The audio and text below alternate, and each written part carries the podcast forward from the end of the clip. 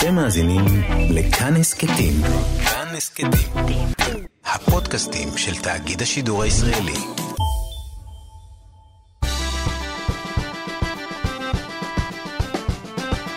מה שקורה עם שירי לב-ארי.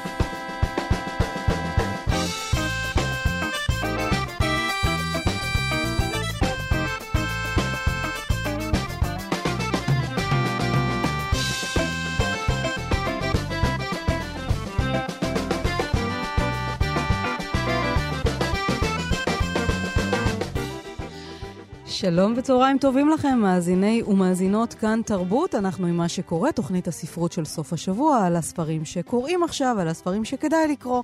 איתי היום בצוות התוכנית עומר מנחם שליט על ההפקה, חן עוז על הביצוע הטכני, ואנחנו יוצאים לדרך.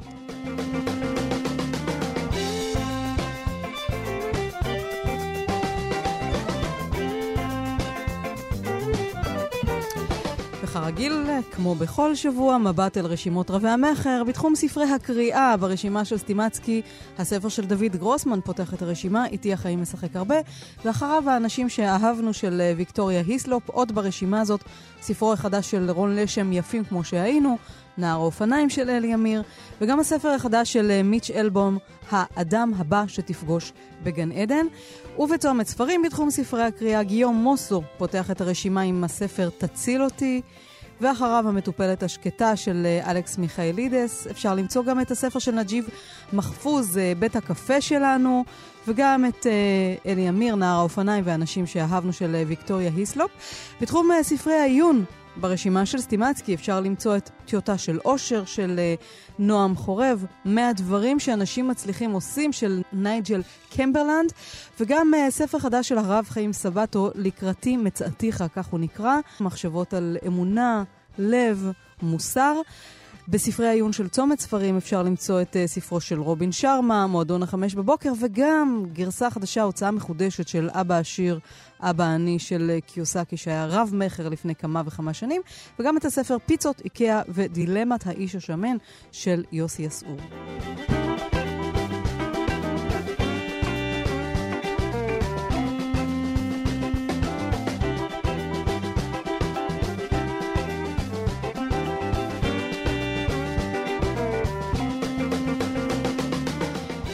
מי שרוכב שעה ארוכה במרחבים פראיים, נמלא לפתע תשוקה לעיר.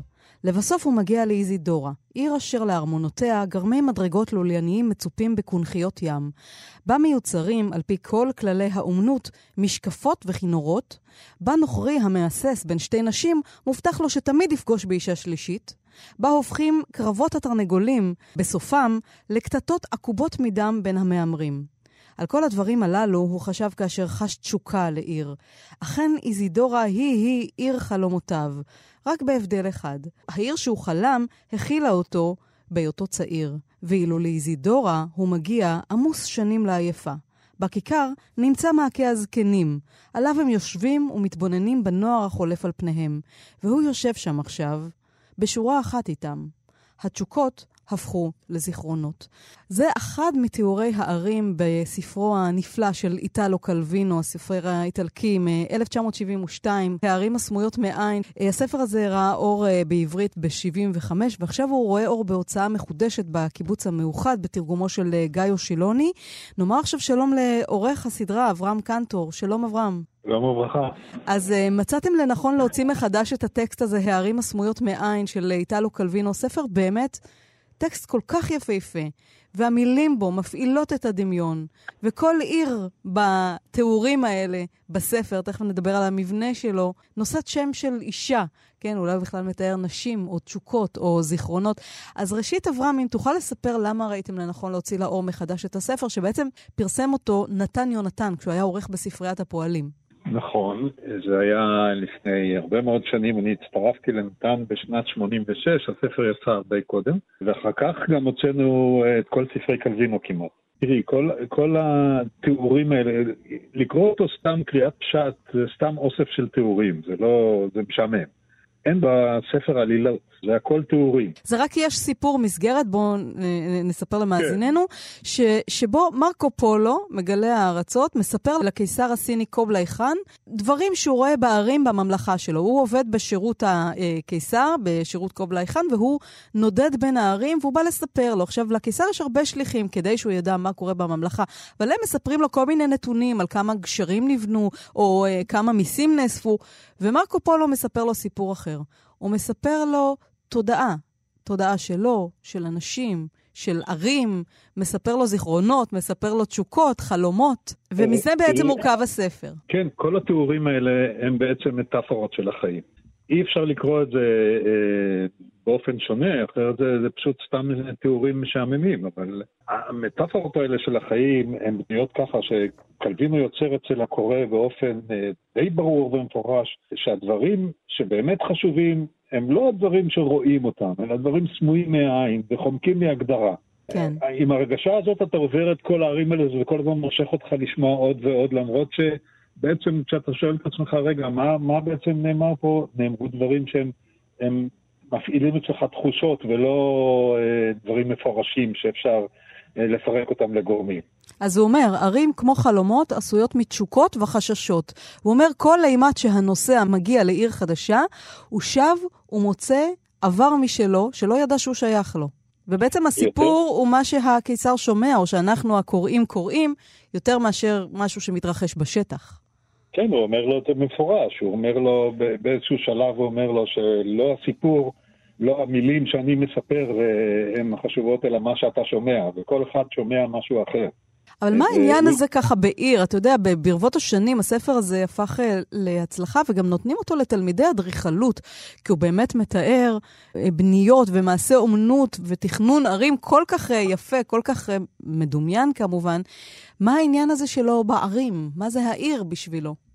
תראי, כמו שאמרתי קודם, זה הכל מטאפורות של החיים, והוא לוקח כל מיני uh, תכונות שיש בהם, uh, אני יודע, דברים כמו uh, אהבה, אמונה, uh, אפילו חיים ומוות, שהם הם, הם עולים מתוך התיאורים האלה באופן uh, שהוא נוגע בך בלי שתוכל, בלי שאתה מרגיש צורך להגדיר אותם במפורש. כן, גם המבנה אה, של הספר, אגב, אברהם, הוא, הוא מבנה מתמטי-אדריכלי כזה. הוא מחלק את זה לפרקים של נגיד ערים וזיכרון, או ערים ותשוקה, והוא ממספר אותם. יש כאן איזה מין מבנה כזה של, של חלקים, וכל עיר ממוספרת. לא שאתה יכול למצוא ממש קשר אה, נושאי בין הערים השונות, לרגעים זה נראה שהוא מתאר כל הזמן את אותה עיר, אבל הוא בנה איזשהו מבנה מתמטי לספר הזה. אני לא יודע אם אפשר לקרוא לזה מתמטי, אבל זה נראה ככה. כי, אה, כי בעצם אה, אי אפשר לפרש בדיוק את המבנה הזה, זה לא משהו מוגדר שאפשר להגיד זה וזה קשורים אחד לשני וזה מספר אחד וזה מספר שתיים, למה בדיוק זה מספר שתיים וזה מספר אחד, זה לא ברור לגמרי. אבל יש לך, זה, זה מכניס בך איזו תחושה של סדר, שיש בו איזו חוקיות, וזה דברים שאתה לא יכול להגדיר לעצמך, אבל אתה מרגיש אותם, הם סמויים מעין. הוא מדבר על כך שכל דבר הוא בעצם סימן לדבר אחר. כולל הטקסט הזה עצמו, אגב, הספר הזה עצמו של אה, קלווינו. ובערים ואותות אחד, הוא כותב, אדם מהלך לו ימים על ימים בין אילנות ואבנים. רק לעיתים נדירות נחה העין על דבר מה, וזה קורה כאשר היא רואה בו אות וסימן למשהו אחר. עקבות על החול מספרים שעבר כאן נמר. שלולית מבשרת זרימה של מים, פרח היביסקוס מבשרת סוף החורף, וכל היתר אילמו ובר חלוף. אילנות ואבנים הינם רק מה שהינם. סוף סוף מוביל המסע אל העיר תמרה. אז עכשיו הוא מדבר על תמרה, כן? חודרים לתוכה ברחובות עמוסים שלטים המזדקרים מן הקירות. העין אינה רואה דברים, אלא סמלים של דברים, שפירושם דברים אחרים. הצבת מודיע על ביתו של עוקר השיניים. הכד מבשר על מסבעה. החניתות מעידות על חדר המשמר. המאזניים על מוכרת הירקות. פסלים ושלטי גיבורים מתארים אריות, דולפינים, מגדלים, כוכבים. זהו אות שאיזה דבר, ומי יודע מי הוא ומהו, נטל כסמל לעצמו אריה או דולפין או מגדל או כוכב, וכן הלאה וכן הלאה. הוא מתאר את תמרה שבה כל דבר הוא סימן לדבר אחר. ככה בכל, כן. בכל עיר שהוא בוחר. הוא, אתה מרגיש שיש פה, לא מה שהוא מתאר זה מה שחשוב, אלא מה שעומד מאחורי זה. קחי למשל את העיר אה, טקלה. זו עיר שהתושבים שלה כל הזמן לא מפסיקים לבנות את העיר. הוא שואל אותם כל הזמן, מה זה, מתי זה ייגמר הדבר הזה? למה זה לא נגמר? זה לא ייגמר, כי אם זה ייגמר אז העיר תיהרס. ברור שלא הבנייה של העיר, גם התיאור של העיר הוא כזה של כל, כל הזמן פיגומים ודברים תלויים שם וכולי. ברור שמה שהם בונים זה לא את המבנים עצמם, אלא הם משהו שקשור במבנה של החיים, במבנה של החברה, במבנה של האדם. כן. וברגע שזה ייפסק, אז גם ייפסקו החיים. והדברים לא נאמרים, זה, זה אני אומר. זה תחושות שאתה מרגיש כשאתה קורא, ובכל עיר יש את התחושות שזה מעורר בך, בלי שתצטרך להגדיר, אבל זה מעורר. איזידורה, תמרה, תקלה, אנסטסיה. הנה, תשמע על התשוקה לעיר אנסטסיה. העיר נראית לך כמכלול אשר בו שום תשוקה אינה הולכת לאיבוד, ואשר אתה חלק ממנה. והיות שהיא מתענגת, על כל מה שאתה אינך מתענג עליו, לא נותר לך אלא להשתקע בתוך תשוקה זו ולסבוע ממנה רצון. העיר כתשוקה. וזה באמת נקשר למה שאתה אומר, אברהם, על, ה, על החיים, על החיות. כל עוד החיים נמשכים, העיר נבנית. תראי, זה אופייני לכל ספרי קלווינו, כמעט בכל הספרים, גם בספרים שיש בהם עלילה של ממש, אפשר להגיד ש, שכל הזמן יש דברים, שהם תחושות שאתה מרגיש אותן, ואתה לא יכול אה, אה, להגדיר אותן בדיוק. אז אה, כמו שאמר הנסיך הקטן, מה שהעיניים שלך רואות הם רק קליפה, העיקר סמוי מן העין. זה בדיוק, זה, מופיע בכל הסיפורים שלו, אנחנו הוצאנו, אני יודע, זה עשרה, חמישה עשר ספרים שלו, אז... בכולם זה, זה מאוד אופייני. בספר הזה זה הכי בולט, בלי עלילה ורק הסיפור הזה. העלילה היא סיפור מסגרת, גם כן לא עלילתי כל כך. אז אולי באמת תאמר כמה מילים על הכתיבה של קלווינו, על, ה- על החלק שלו בנוף הספרות האיטלקית, שאנחנו בדרך כלל מכירים אותה כספרות מאוד ריאליסטית, חברתית, פוליטית, והנה בא הדבר הזה. המופשט? קודם כל, אני לא חושב שהספרות האיטלקית היא רק ריאליסטית, למרות שיש בה הרבה מאוד ריאליזם, אבל מה, תקחי את אה, פבלו פדרונה, זה סיפור של ילד שגדל בהרים כרועה צאן, זה רק ריאליסטי? יש פה רוח האדם מאחורי זה, זה, זה מאוד בולט. מאוד בולט העניין הזה שזה לא, הדברים לא נאמרים במפורש, אלא עולים מתוך הסיפור. ואצל קלווינו זה, זה מאוד בולט הצד הזה, שהוא אופייני דווקא, אני חושב, לספרות האיטלקית מכל הסוגים, שהסיפור הפשוט כשלעצמו, מעניין ככל שיהיה, הוא מביא את רוח האדם, את, את טעם החיים, אם את רוצה, אני יודע, דברים שאתה לא אומר אותם במפורש, אבל אתה מרגיש אותם. עובדים עכשיו ספר ש... עוסק בעיר, ש... בכפר שהציפו אותו אחרי מלחמת העולם השנייה, עשו שם אה, סכר שהציף את הכפר.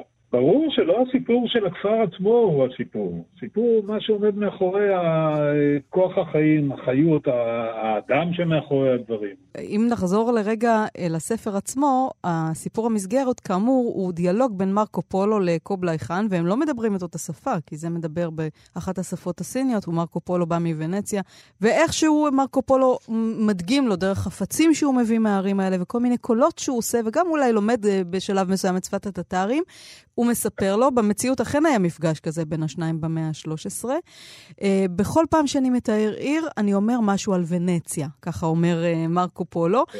ושניהם מחפשים איזו עיר אחת מושלמת, כן? לקובלה חאן יש אטלס, שבו uh, מסורטטות uh, גם ערים ש... שלא נודעו, ושאפילו הגיאוגרפים לא יודעים אם הן קיימות או לא, והאטלס הזה משמר גם את המפות של כל הערים. ובשיחה האחרונה שלהם, החאן שואל את מרקו פולו אם הוא יודע לשרטט את נתיב המסע לארצות אגדיות, כמו אטלנטיס או אוטופיה או אוקיאניה, שרשומות אצלו באטלס. ומרקו פולו משיב בשלילה, אבל הוא אומר לו, במהלך המסעות בערים השונות, די לי לפעמים, ציטוט, בהבלחת אורות בערפל, בשיחה בין שני עוברי אורח הנפגשים בתוך תנועה סואנת, כדי לתת לו את ההרגשה שהוא בעצם יכול להרכיב מהרסיסים האלה את העיר המושלמת, האחת. יש כאן איזו אמירה... זה בדיוק למה שאני אומר כן. פה, שזה הכל מטאפורות, שאתה מרגיש אותן יותר מאשר אה, מבין אותן. ואולי גם יש איזו אמירה מובלעת שהמציאות היא לא משהו אובייקטיבי, אלא דבר שנחווה, שנתפס בהכרה שלנו ונחווה. בהחלט, הוא גם אה, שואל אותו קובלאי חאן באיזשהו שלב, אם, אם הוא, כשהוא מגיע הביתה לוונציה, הוא יספר את הסיפורים, את התיאורים האלה לפני החברים שלו, בני המשפחה שלו, והוא אומר לו אז, ש... אני אומנם מדבר ומדבר, אבל מי שמאזין לי קולט אך ורק מה שהוא רוצה לקלוט, מה שהוא מצפה לקלוט. אחר כך הוא גם אומר לו שמה שקובע זה האוזן ולא הקול הדובר. אברהם, אתה בחרת קטע מתוך הספר שתרצה אולי אה, לצטט? אני יכול לקרוא את הקטע על טקלה. אלה המגיעים לטקלה יוכלו לראות אך מעט מן העיר, שכמו מסתתרת מאחורי גדרות, הכלונסאות, ובעד עסקים, הפיגומים, שלדי המתכת, גלישי העץ התלויים משתלטלים מחבלים, או הנמתחים בקנות מאחורי הסולמות, ורשת של חוטי ברזל. אם תשאל מדוע מתמשכת הבנייה של טקלה זמן רב כל כך, יענו התושבים מבלי שיחדרו לרגע מלהרים דליים ולשלשל חוטי ענך, כדי שההרס לא יוכל להתחיל. אז כל עוד העיר נבנית, החיים אה, נמשכים, וזה בהערים הסמויות מעין של איטלו קלווינו, שרואה אור עכשיו בהוצאה מחודשת, אה, בתרגום גיא שילוני בהוצאת הקיבוץ המאוחד. אברהם קנטור, תודה רבה לך על השיחה הזאת. זה לא דבר. להתראות. בטוח.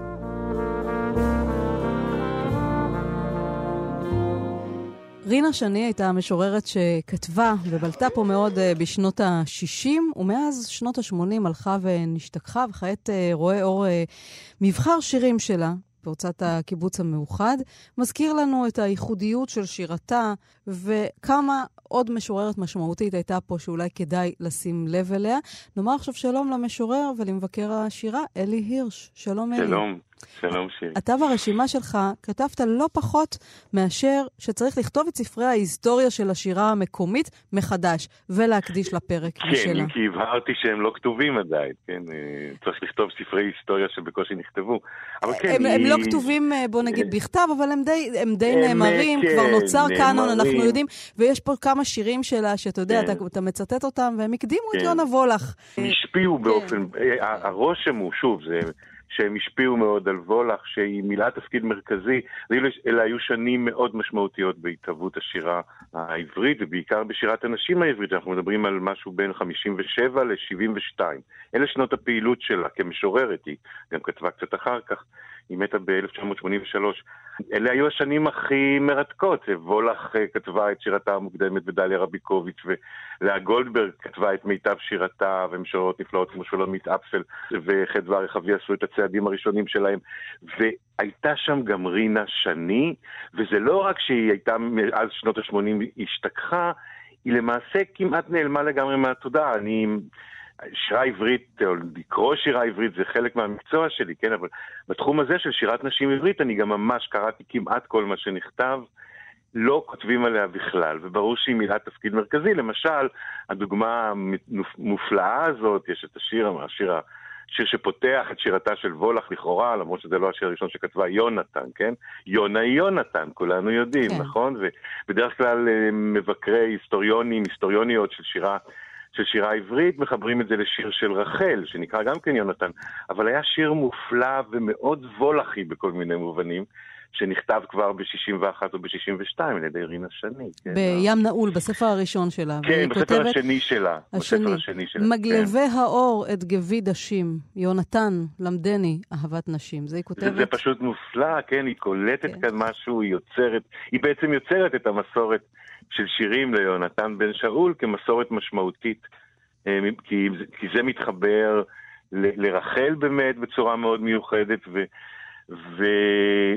והשכחה הכמעט מוחלטת שלה, או המוחלטת שלה, היא ממש מדהימה, היא ממש תעלומה. זאת אומרת, בעצם מה שקרה זה שקיבלתי את הספר הזה לביקורת, והתחלתי לקרוא, ודבר ראשון נדהמתי שהייתה משוררת כל כך משמעותית, שאני לא מכיר בכלל, והנחתי שאם אני לא מכיר אותה, ולא קראתי עליה, ולא שמעתי את שמעה, רק ידעתי משהו, השם ריחף בחלל, אז כנראה גם רבים אחרים לא מכירים, ו- ו- וחשבתי שבאמת חשוב להגיד, היי, תשמעו, יש כאן משהו, אה, שזה זה התפקיד שלי, כן? אז אולי נלך קצת אחורה, כי היא כן, כן. בשנים שהיא התחילה לכתוב, היא כן הייתה דמות אה, בולטת, אמנם היא לא הייתה חלק אה, אינטגרלי מאיזושהי חבורה. רינה שני נולדה כרינה שומרוני ב-1937 בחדרה. הייתה נערה מאוד מוכשרת, למדה אצל לאה גולדברג אה, ספרות, ולאה גולדברג הייתה איתה גם בקשר אישי, וגם היה להן איזה דיאלוג פואטי, והיא כיוונה אותה, והציע, ויש אומרים שאפילו הציעה לה את שם המשפחה שני כתחליף כן, לשומרוני, כן. ויש לה התכתבות עם לאה גולדברג בעצם, כן. גם בשירים שלה. לא רק איתה, אגב, יש לה כן, שיר כן, שאומר, כן, לה גם אני ראיתי ציפור, היא עונה דרך אגב, לנתן בזה היא זך. מאוד מזכירה את חדווה הרחבי בכל מיני צורות. שירתה המוקדמת, השירה המוקדמת של. של הרחבי, הם, הם מתכתבים בצורה דומה עם שירתה של לאה גולדברג. ועולם הדימויים שלה, של רינה שני, לקוח מעולם באמת רליגיוזי, מיסטי, רוחני אז מאוד. זה לא מדויק. היא, היא, אנחנו יודעים שהיא נעשתה, הרי זה הדרמה הגדולה, נכון? היא מתישהו בשנות ה-70 הפכה להיות אישה מוארת. זאת אומרת, ממש גורו מיסטי הקימה מה שנקרא באותם ימים כת, הייתה גם מושא לרדיפה של, אה, איך קראו לה? גלאזר מ- טסה. גלאזר. הוועדה לרדיפה אחרי כתות, וקראה לעצמה ריין שיין. אה, והקימה, הקימה באמת הייתה, הפכה להיות דמות אבן שואבת למחפשי דרך, והיה גם הסתבכות קשה, כי אחד מתלמידיה כביכול התאבד, והאשימו אותה, והיה אז קמפיין אני חושבת שלילי שיכול בעיתונים. להיות שהקמפיין לא השלילי בטוח. הזה הוא, הוא עזר במרכאות לשכחה שלה. זה קרה ב-83, ואחר כן, כך אני- היא עזבה את אני- ישראל ונסעה כן. להודו וחיה בבודגיה, אז- ושם אז- היא גם מתה נכון. מסיבוכים של צהבת. נכון, אז שני דברים כדאי לומר בעניין הזה. ראשית, ש, שכבר בשירה, השירה, השירה נכתבו בשנות ה-60, לא בשנות ה-70 שיצאה לגורו. אז כן, אפשר לזהות מגמה שאפשר לפרש כרוחנית.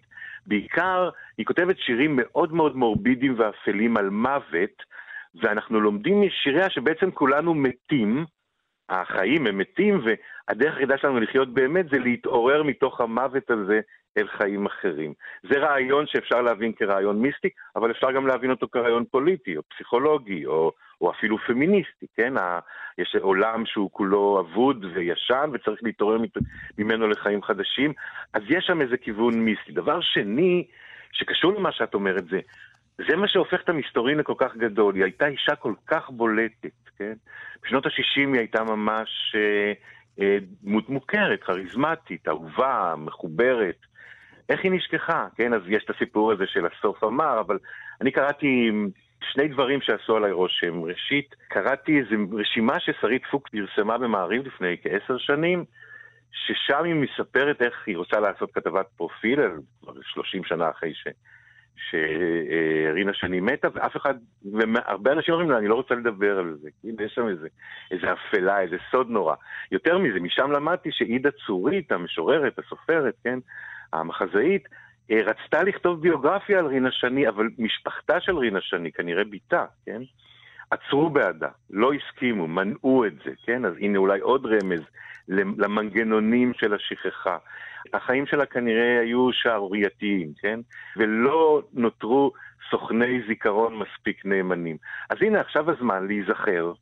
ולהתחיל לחשוב עליה, אולי כן לעודד כתיבת ביוגרפיה, אני בטוח שעדיין כן. יש הרבה מאוד מידע, כי האישה הייתה, אולי באמת, התחושה היא של סוד, של מסתורין, שהיה מסתורין גם באישה וגם בשירתה. עכשיו, אם מוסיפים לזה שהייתה משוררת כל כך מיוחדת, כל כך חזקה, כל כך מקורית ועצמאית, זה לא שהיא לא הושפעה ממשוררים אחרים, אפשר...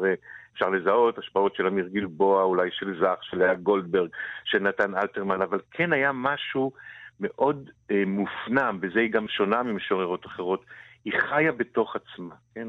הדבר הזה גם שאפשר לה להפוך לגורו מיסטי, והדבר המיוחד הזה הופך אותה לדמות ממש מרתקת, שאני מודה, אני לא יודע עליה כלום. אני יודע משהו על שירתה, אבל אני לא יודע עליה כלום. אז אולי תקרא יודע, לנו משהו משירתה? כן. מה אוקיי, אתה בוחר? אוקיי, בסדר. Uh, ידעתי שזה מה שיקרה, אז העליתי לפייס שיר, קיבל בינתיים לא מעט לייקים, כן. זה, זה שיר מהספר השני, ים נעול, והוא נקרא זכותך לשכוח שווה לזכותך לזכור, שזה בעצם הדרך לומר זכותך למות שווה לזכותך לחיות, כן? זכותך לשכוח שווה לזכותך לזכור, אם אינך יכול לעבור, לפרוס יד כמו כנף, אם אינך יכול לשרוט עם כל המלאכים החטאים, זכותך לקבור שווה לזכותך לבעור. מישהו עלול לגעור, עלול לפעור פה גופרית של תוכחה וחרון שמיים.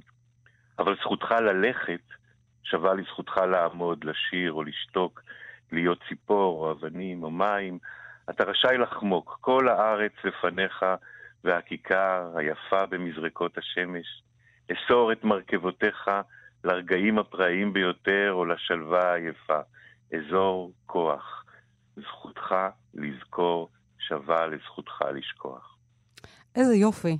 וכמה כן, משחק יפה. עם העברית ועם המצלול כן, שלה. יש שם גם מצלול והרבה מאוד אלוזיות, כן, מקראיות, ברור, ומאוד מאוד טעונות, מאוד אה, עשירות, כן, זה, זה באמת שיר יפה מאוד. אז אולי אה, ניתן קרדיט למי שאולי אה, יזמה את אה, הוצאת כן, כרך ריקי השירים, דוקטור ריקי טראום, שגם כן, כותבת במסע כן. מאוד יפה, שפותחת נכון, את נכון, הספר. נכון. היא, היא בזכותה, בזכותה יש לנו את זה, כן? היא התעקשה, אני חושב, כי זה ברור שיש כל מיני כוחות שפועלים נגד הפרסום. ש... אם יש משהו שמשכיח את רינה שני, ודוקטור ריקי טראום עמדה בפרץ והוציאה את הספר הזה, כן? וזה קיבוץ המאוחד כמובן, גם להם מגיעה ברכה. ויש לנו עכשיו את הספר הזה לקרוא ולזכור, לא רק לשכוח. כן, אז אה, יש לנו את הזכות לזכור ואת הזכות אה, לשכוח, ואנחנו בוחרים אה, לזכור אותה. והיא, ריקי טראום כותבת במסע שפותחת כן, את הספר, כן. שאפשר לזהות בשירים המוקדמים של רינה שני ב- בתחילת כן, שנות ה-60, כן. השפעות מאלתרמן ומאמיר גלבוע, כמו שאמרת קודם, אבל גם כן. את הנושאים שאחר כך יעסיקו את השירה שלה בהמשך, שזה איזושהי כן. תחושת זרות וניכור, כן, וכמיהה כן. למטאפיזי, לטרנסצנדנטי. נכון, נכון, נכון. כן. זה דברים שאחר כך חוזרים בשירותיי. אולי אני אקרא עכשיו את אה, כן. אחד השירים, שחה והיטמן במחילת עפרנו. שחה והיטמן במחילת עפרנו. כבוש פיך, ואל תלעט שמועות שריח הרקב בחדריהן. בתוך האהבה הזאת מתמוטטות ערים, ומצילה של אזעקה חותכת כל הלילה. הסתר את פניך בתוך פנים אחרות. הלט את זיכרונות כתפיך בגומות כתפיי. בתוך האהבה הזאת קמות קריות לתפארה, ופעמון תקווה פועם כל הלילה, כל הלילה. זה רק uh, חלק uh, מהשיר הזה, ואני וואו. חושבת שבאמת, uh, כמו שהיא מציינת, uh, וגם אתה מציין ברשימה שלך, uh, היא כן. גם הושפעה מה... משנות ה-60 שבהן היא פעלה, מהתנועות כן. לשחרור האישה ולזכויות שחורים ומיעוטים ממרד הס- כן. הסטודנטים. כן, זה, זה מיש, אני, אני הייתי שמח שמישהו יספר לי, כי היא באמת הייתה, הייתה כן דמות תל אביבית מחוברת למדי, כן, היו לה, היו לה חברים, אה, וזה זה נראה לי ממש עכשיו מתבקש, שמה שעידה צורית רצתה לעשות אולי תעשה, או, ש, או שמישהו יעשה את זה, כן, יספר לנו את סיפורה של רינה שני, מה היה לה בראש, כן? אולי אפילו התחלה של מחקר ספרותי יותר מאורגן. כן? אתה יודע, אולי, אבל כן אפשר לראות דרך הקובץ הזה איזשהו ייצוג נשי מעניין. כן. כי אתה שייכת אותה למשוררות המשמעותיות שהיו פה כן. בדור הזה, כן. אה, ויש לה שירי אימהות, למשל, מאוד אמיצים. נכון. אני אקרא רגע שיר שנקרא ילד. אני רוצה כן. להיות עמך, ילד, ילד, אל תברח. ילד, אתה כן. שומע אותי? אל תלחצני אל קיר המבוכה. אתה, הרי אתה קטן. אל תערוב לי בזווית, עינך האחת טלה והשנייה חתול. ילד, ילד, אתה משיג אותי ואני מפחדת ממך. ילד, בוא נלך ביחד. אני רוצה להיות עמך כל חי. האומץ הזה, אז, לכתוב על אימהות לא כערגה נשית מסורתית, אלא ילד, כן, אה, רחל המשוררת, אלא אני מפחדת ממך. אני מקיימת איתך איזה דיאלוג של חשש וזה דווקא ותקווה. היא מתכתבת אה, באופן גלוי עם שירים מאוד מובהקים של אותה תקופה, עם אבשלום. אה, האימהות הייתה תקועה בגרון לשירת הנשים העברית, והיא הייתה סוג של איום. אה, אפילו בשביל רחל, בעצם השיר נקרא, אם את זוכרת, עקרות. אנחנו מציגים את השיר של רחל כאיזה שיר מתוק של ערגה לאימהות, אבל הוא בעצם שיר של אובדן האימהות, כן? הוא מאפיין את רחל בצורת המחשבה שלה, כן? את האופן שבו את ה... את- היא מציגה את הכהה דרך הבעיר, את המר דרך המתוק. אבל, אבל יש שם איזה, והיא באמת, העיסוק הדרמטי שלה באימהות מאוד ריתק אותי, אני חושב שזה אחד, אחד מהדרמות הגדולות של שירת זמננו, שירת הנשים של זמננו, זה הגילוי מחדש של האימהות כ, כעולם שלם, כן, כעולם מודחק בתולדות השירה.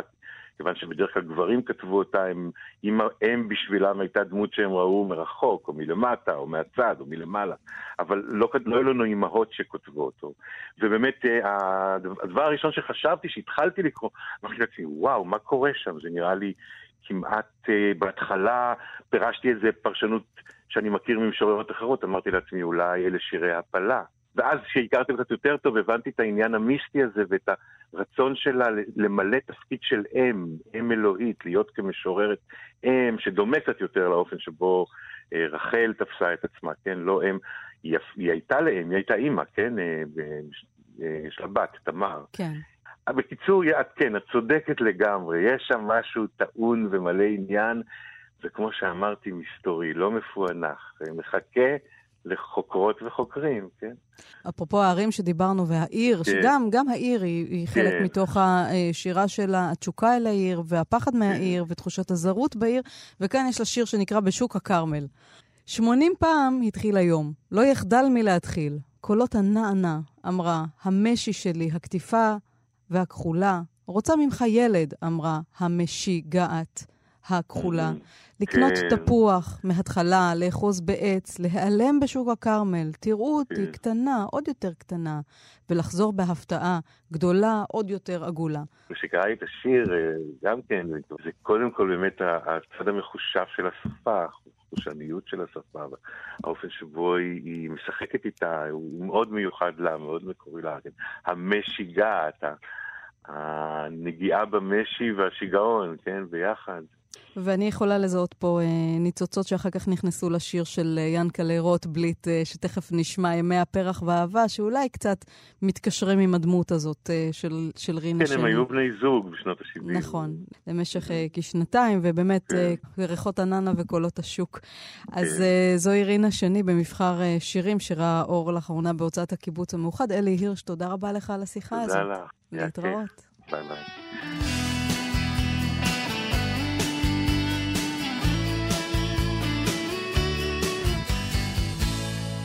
אנחנו ממשיכים עם uh, קולות uh, נשיים uh, בכתיבה, עם שתי משוררות, אחת מהן הוציאה ספר פרוזה לאחרונה. שלום לדוקטור אסתי אדיבי שושן. אהלן שירי. איתך אנחנו מדברים על ספרה של מיטל זוהר נבדה, שזה ספר פרוזה ראשון, אחרי ספר שירים שנקרא הבית לקח. זה ספר שמספר על משפחה, משפחה שהתרסקה, שהתפרקה, ועל יחסי אב וביתו. נכון. אני חשבתי לדבר ביחד על שני ספרים ספר אחד הוא, כמו שאמרת, של מיטל זוהר נבדה, וספר נוסף של אה, דנה אמיר, שזה ספרה העשירי, והוא נקרא קדיש על חשיכה ועל אור. ובין שני הספרים האלה יש uh, כמה נקודות דמיון, כשהנקודה הבולטת ביותר היא שיש כאן בת שבגרה, והיא מסתכלת אחורה אל תקופת ילדותה, והיא מתארת אותה. זה נקודת דמיון אחת. נקודת דמיון נוספת זה המרכזיות של האב. בשני הספרים הבנות אה, מתגעגעות לאב וזוכרות אותו כדמות שהכילה אותן, ואני רוצה לצטט שתי מטאפורות. אה, דנה אמיר כותבת כך, שכילדה היא ידעה שמכל גובה שממנו תצנח לזרועותיו, הוא ידע לתפוס אותה, גם אם יהיה עליו להתייצב לשם כך על פי תהום. ומיטל זוהר מתארת את אבא שלה כמו כיתת כוננות שחיכתה לי כל הלילה, אבא אמהית. גם דנה אמיר וגם מיטל זוהר הן משוררות, ובכל זאת הן החליטו, או נוצרה אצלהן הרגשה שכדי לספר את סיפור ילדותן, הן עברו לכתיבה פרוזאית. אני אמרתי שהספרים דומים, אבל הם גם מאוד מאוד שונים מבחינת צורת הכתיבה שלהם. הספר נבדה פותח בתיאור התרסקות, התרסקות של האב, טייס, התרסקות של מסוק שלו, ב, לא בארץ, אלא בנבדה, ואני רוצה להקריא את קטע הפתיחה. באוגוסט 1978 הוא התרסק לתוך תעלה בגבול המערבי של מדינת נבדה. הוא לקח איתו למטה שני חברים, אחד איבד יד, השני את שתי הרגליים, הוא עצמו נחבל בגב ובראש, חתך אופקי במצח, מקביל כמו פלס לאדמה. היא מסיימת את הקטע כשהיא כותבת, במטוס לא הייתה קופסה שחורה, במשפט נוסף, עוד לא נולדתי כשזה קרה, ומעולם לא סיפרו לי על זה. בקטע העוקב, היא כותבת כך, הייתה קופסה שחורה. התאונה נגרמה בשל טעות אנוש. הטייס טעה בהערכת הגובה. הוא יצא מזה בחיים, אבל בגלל שברים בחוליות עמוד השדרה, איבד כמה סנטימטרים מגובהו. אפשר לומר שהחיים כופפו אותו, שהוא הלך והתמעט. ושני הקטעים האלה הם בקטן מעידים על צורת הכתיבה של מיטל זוהר, צורת כתיבה עוצמתית ביותר, שמכה והולמת בקורא, לכן אלה התגובות של קוראים שונים את הספר. אגב, אני... השימוש בקופסה שחורה כמשל מטפורה, אולי, מטאפורה. כן, עמוס עוז. אה, ל, בדיוק, עמוס עוז. הכירנו לבית המתפרק, המתנפץ הזה, והניסיון לבדוק מה קרה שם. ממש נכון. אז מה שאנחנו רואים בתיאור הקטע הזה של ההתרסקות, זה שמצד אחד היא מוסרת את העובדות האובייקטיביות, מתי בדיוק זה קרה והיכן זה קרה. מצד נוסף, היא מתנערת לגמרי מגילויי רגש. היא אפילו לא אומרת אבי, אלא הוא. וגם בו זמנית היא אומרת דבר והיפוכו. לא הייתה קופסה שחורה, בעצם כן הייתה קופסה שחורה. ההתרסקות הזאת, העוצמה של ההתרסקות מלווה את הספר וגם את החיים של האבא לכל אורכם. האב שמתחתן בהמשך, חיי המשפחה שלו, שאותה מתארת מיטל זוהר, מתוארים כהתרסקות איטית, מושהת וממושכת, כשהסיבה העיקרית היא מחלת האם. לא מצוין שמה של המחלה, אבל מתואר שהאם חולה, ו-20 שנה היא חולה, היא שוכבת במיטה, והמשפחה כולה חיה תחת הצל של מחלת האימא.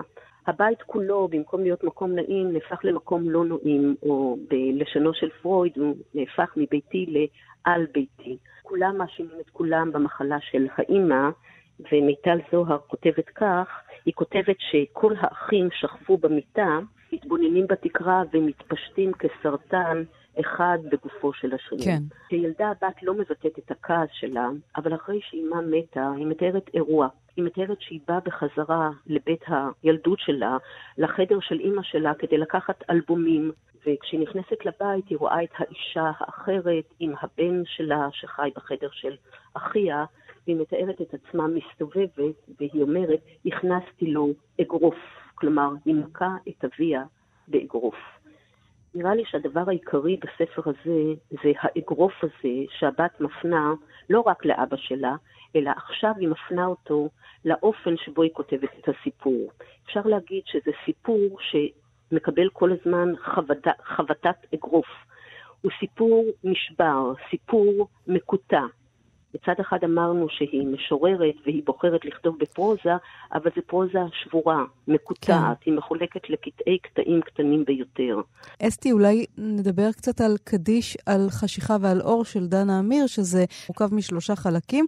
כל חלק הוא מעין מסה קצרה, והוא מעין ממואר אישי ואינטימי שלה על, על בית הוריה, מין עבודת אבל דרך הכתיבה. ממש כך. החלק הראשון של הספר, שנקרא הגוף כולו אוזן, מתאר סצנת פתיחה מחמירת לב, במיוחד לחיפאיות כמוני, אני מקריאה את הפתיחה. בחופשות נהג אבי לקחת אותנו ליערות הכרמל כדי שנקשיב בעיניים עצומות לטבע. על כל אחד מאיתנו הוטל ללכוד רחש כלשהו ולהבחין אותו מכל הרכשים האחרים. שכובה על האדמה היבשה, אני עוצמת איפה את עיניי. הרחש הראשון שאני מזהה הוא רחש נשימותיהם של אחותי ואחיי השכובים לצידי, אחותי מצחקקת. אז זיכרון הילדות נפתח באיזושהי סצנה שהיא אידילית, היא כמעט מתרחשת בגן עדן, שוכבים על קרקע אדמה, והאבא מלמד את הדבר החשוב מכל, אומרת לנו דנה אמיר, הוא מלמד להקשיב. ודנה מסיימת את החלק הראשון והיא אומרת שהדבר המרכזי שאדם יכול לבוא איתו לעולם זה היותנו קרויים, קרויים בכף ריש ואב יוד יוד מם, כלומר מאזינים עד אין קץ. ונראה שהיא מזמינה את הקוראים להאזין לספרה. החלק השני הוא מפתיע, הוא חלק שמתאר את הכלבים שהיו חלק מבני המשפחה. לכלבים יש יכולת הקשבה יוצאת מן הכלל, שכל הגוף שלהם מקשיב לכל מה שסביבם. החלק השלישי, שהוא כתוב כמו שיר, בעוד השניים הקודמים כתובים כמו פרוזה, מתאר את הבית דרך מטאפורה יפהפייה, בית, חיים שהטילו עוגן. והיא מספרת על ארבעה אחים שמרגישים בבית מאושרים ושמחים, וישנה המולת ילדות, אבל גם כאן חל איזשהו היפוך, והבית מהמקום הכי נעים נהפך למקום לא נעים. גם כאן מסופר לנו, את הזכרת את נושא האימהות בשיחה הקודמת שלך, מסופר לנו על תחושה של הבת שהקשר עם אימא שלה הוא לא קשר טוב. היא מספרת שכשהיא בגרה, התברר לה שכשהיא נולדה, אימא שלה השאירה אותה בבית התינוקות בו היא נולדה, הייתה משאירה אותה שם למשך היום, והייתה באה לקחת אותה רק בלילה. היא אומרת, אולי זה גרם לתחושת הגלות הקבועה שלי, גלות גם מהגוף של האימא וגם מתחושת הבית. שתי היוצרות מדברות בגילוי לב על ילדותם, אבל בה בעת ברור שהן גם מסתירות את החוויה העוצמתית שעליה הן לא יכולות לדבר, הן רק יכולות להשאיר סימן, להגיד, כאן יש דבר שאני לא יכולה לדבר עליו. בהקשר של דנה אמיר מוזכרים ארבעה ילדים, ולקראת סוף הספר היא מדברת שנפרדנו לשלושה ואחת. וברור שאחות אחת מתוך השתיים, שתי בנות ושני אחים, נתקע מהמשפחה באופן שעליו בספר הזה דנה אמיר כן. בוחרת לא לדבר. בספר של מיטל זוהר יש הרגשה שהחוויה עדיין מדממת, ושהבת המספרת לכודה בתוך הפצע המדמם הזה. אז שני הספרים, שני הספרים נבדה של אה, מיטל זוהר ודנה אמיר, קדיש על חשיכה ועל אור, ואת, הדוקטור אסתי אדיבי שושן, תודה רבה לך על הסקירה הזו. תודה רבה. להתראות. ביי ביי. אנחנו ניפרד עכשיו אה, מהקיץ, נודה לעומר מנחם שליט על ההפקה, לחן עוז על הביצוע הטכני כאן באולפן, שירי לב-ארי, שבת שלום. כבר לא האגסים, ולא התפוחים, ולא השזיפים.